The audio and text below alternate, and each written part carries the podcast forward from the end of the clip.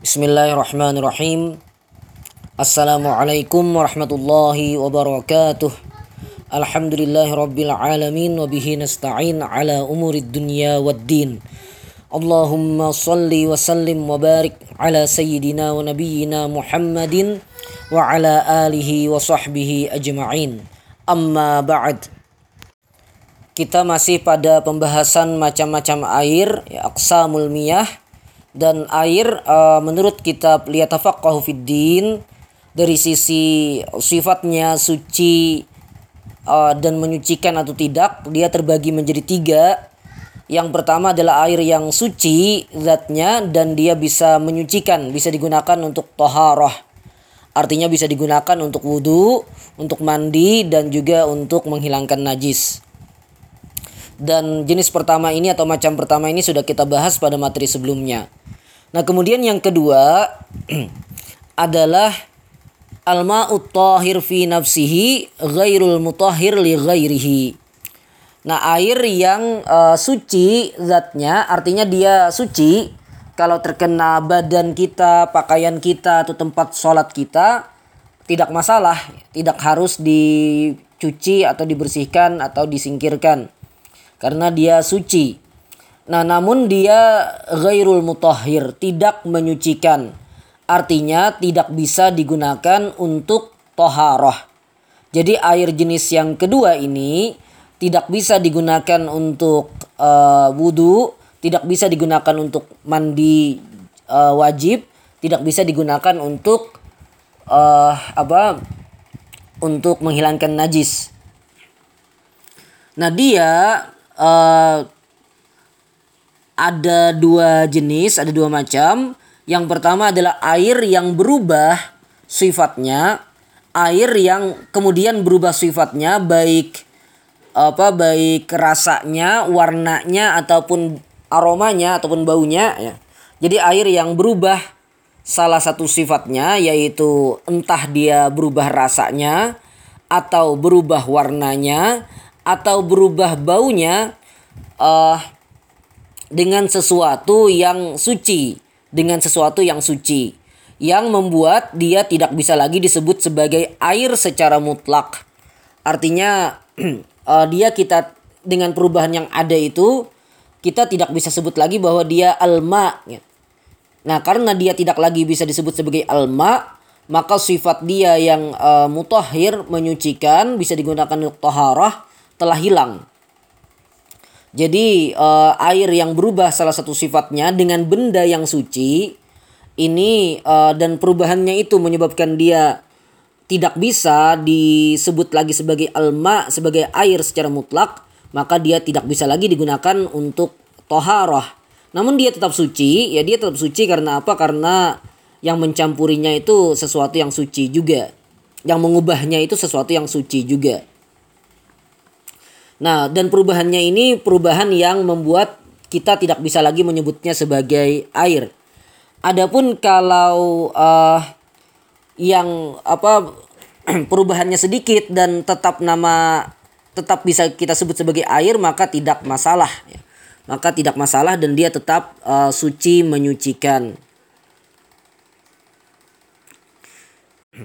Dan di sini ada catatan menarik dari uh, penulis kitab ya uh, wa minal fiqhil mu'asir taghayyurul ma taghayyuran yasira bi idafati mawad kimiyaiyah lit uh, lita'kimihi kal klor fayabqa ala uh, apa tahuriyatihi.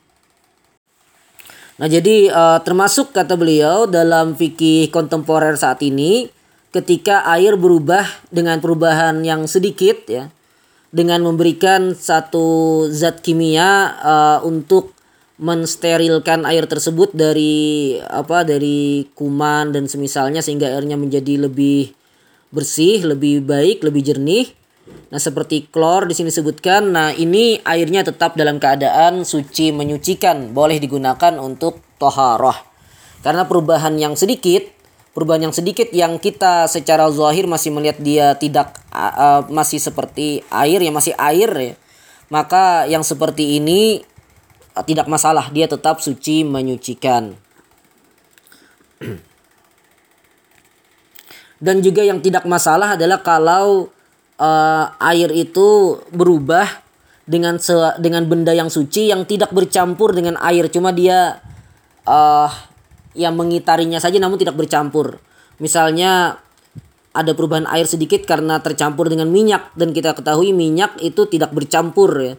Tidak uh, apa mukhalatah, tidak bergabung, tidak bercampur dengan air.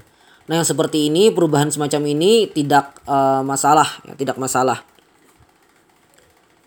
Atau uh, kayu tertentu misalnya bercampur dengan uh, mas apa datang ke air sungai, uh, kemudian sedikit berubah sifat air sungai itu tidak masalah. Karena dia tidak tidak bercampur, ya. dia tidak bercampur, cuma ya berada di sekitarnya. Demikian juga tidak masalah kalau jen, kalau air tersebut berubah salah satu sifatnya uh, karena sesuatu yang memang air tidak mungkin bisa menghindarinya seperti dedaunan pohon misalnya. Nah, dedaunan pohon itu apa uh, ya misalnya pohonnya memang di pinggir sungai misalnya atau di pinggir kolam dan kemudian jatuh ke apa ke air tersebut ya dan tidak memungkinkan untuk bisa dihindari maka tidak masalah juga. Demikian juga uh,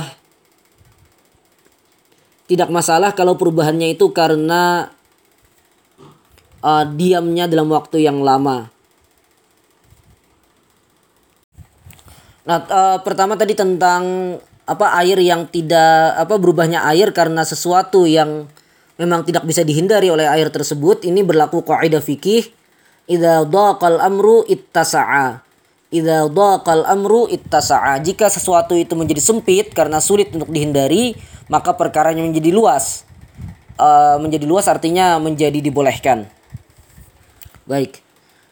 Demikian juga perubahan karena sesuatu yang uh, karena sesuatu yang menjadi tempat dari air tersebut atau tempat mengalirnya air tersebut ya, seperti uh, tanah liat, seperti ganggang dan semisalnya yang memang tidak bisa juga tidak bisa dihindari oleh air ya karena memang itu tempat dia maka uh, perubahan perubahan yang ada karena hal-hal semacam ini tidak tidak mengubah uh, air ini menjadi air yang tidak menyucikan jadi tetap suci dan menyucikan tetap tohir mutahhir Nah, namun di luar itu berarti dia hilang sifat kesuciannya. Misal saja uh, air kita tambahkan kemudian uh, apa susu misalnya sehingga berubah menjadi air susu atau kita tambahkan teh misalnya menjadi teh dan seterusnya. Maka hal-hal semacam itu karena dia mengubah air itu tidak bisa lagi kita sebut sebagai air secara mutlak, tidak bisa lagi disebut sebagai ma, maka perubahannya itu membuat dia tidak lagi memiliki sifat menyucikan. Nah, adapun kalau uh, perubahannya sedikit yang tidak mengubah uh, sifat air maka tidak masalah. Demikian juga perubahan karena hal-hal yang tadi sudah kita sebutkan uh, itu juga tidak masalah. Nah, di luar itu berarti kalau air tercampur dengan benda yang suci sehingga berubah rasa atau warna atau uh, baunya salah satunya saja berubah dengan fak, apa di luar faktor-faktor yang kita sebutkan tadi, maka air itu kehilangan sifat menyucikannya. Dan mengapa dia kehilangan sifat menyucikan? Karena tidak lagi bisa disebut air secara mutlak. Allahu a'lam. Baik, ini adalah bagian yang pertama dari air yang suci namun tidak menyucikan. Kemudian yang kedua yang juga suci namun tidak menyucikan adalah air yang sedikit yang uh, bekas digunakan dalam fardu toharoh dalam fardu toharoh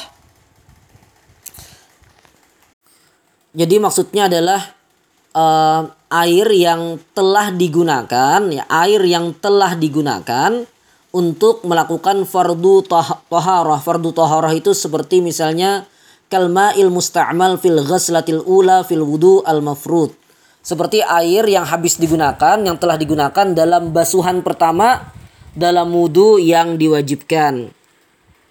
Apa itu wudhu yang diwajibkan? Ya wudhu biasa eh, sebelumnya kita berhadas, kemudian kita berwudhu. Bukan tajdidul wudhu. Kalau memperbarui wudhu, Memperbarui wudhu itu kan maksudnya sebelumnya kita sudah berwudhu, belum batal, kemudian kita wudhu lagi karena sudah masuk waktu sholat.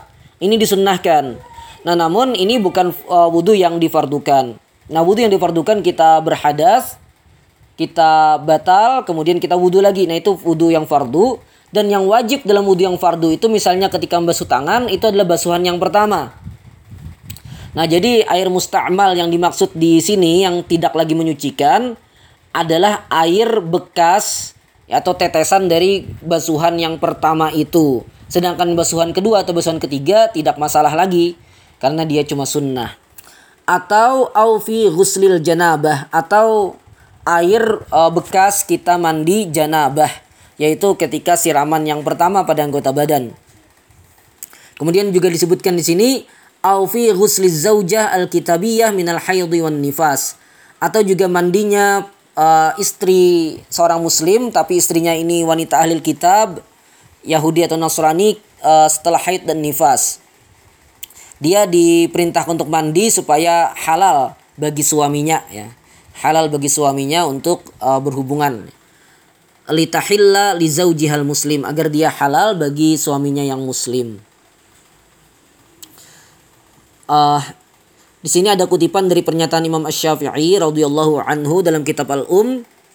Ya dikutip di kitab Liyatafaqahu fid din ini walau tawadda'a bima'in tawadda'a tawadda'a bihi rajulun la najasata ala a'dha'ihi lam yujzihi lam yujzih. Li'annahu ma'un qad tuwaddi'a bihi.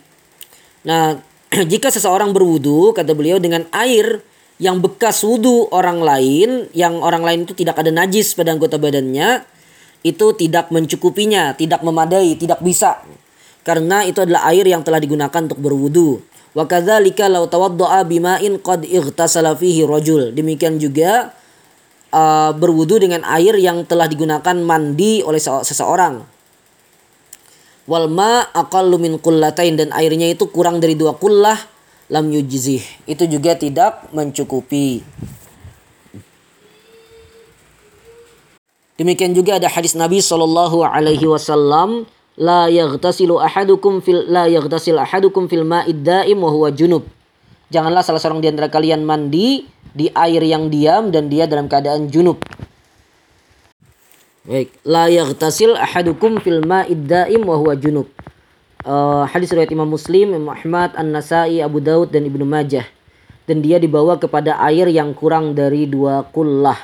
Maksudnya jangan mandi berendam.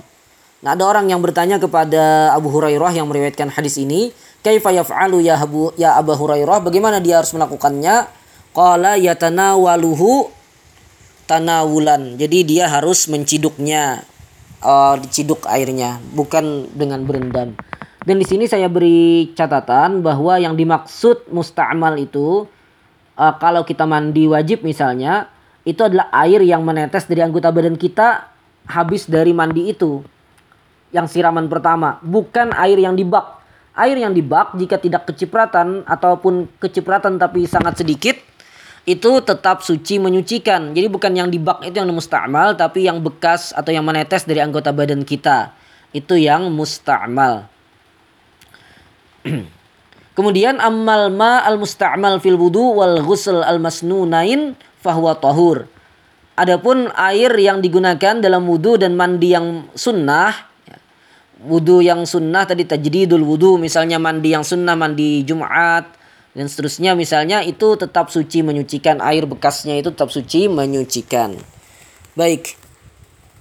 Baik, jadi uh, ini jenis air yang kedua yaitu air yang suci namun tidak bisa menyucikan dan dia tadi terbagi menjadi dua uh, dengan perincian sudah kita sebutkan yaitu yang pertama air yang berubah salah satu sifatnya karena benda suci sehingga tidak bisa lagi disebut sebagai air secara mutlak dan yang kedua adalah air bekas digunakan dalam fardu toharoh atau sering kita sebut dengan istilah air musta'mal. Nah dua jenis air ini dia suci artinya kalau kena anggota badan kita kalau kena pakaian kita ya tidak masalah karena dia suci. Uh, namun kak dia tidak bisa digunakan untuk toharoh. Jadi tidak bisa digunakan untuk wudhu, tidak bisa digunakan untuk mandi, tidak bisa digunakan untuk eh mandi wajib ya dan tidak bisa digunakan untuk menghilangkan najis. Baik, ini jenis yang kedua dan insya Allah nanti kita masuk pada jenis yang terakhir, pada uh, macam yang terakhir yaitu air mutanajis. Al-afu minkum wassalamu alaikum warahmatullahi wabarakatuh.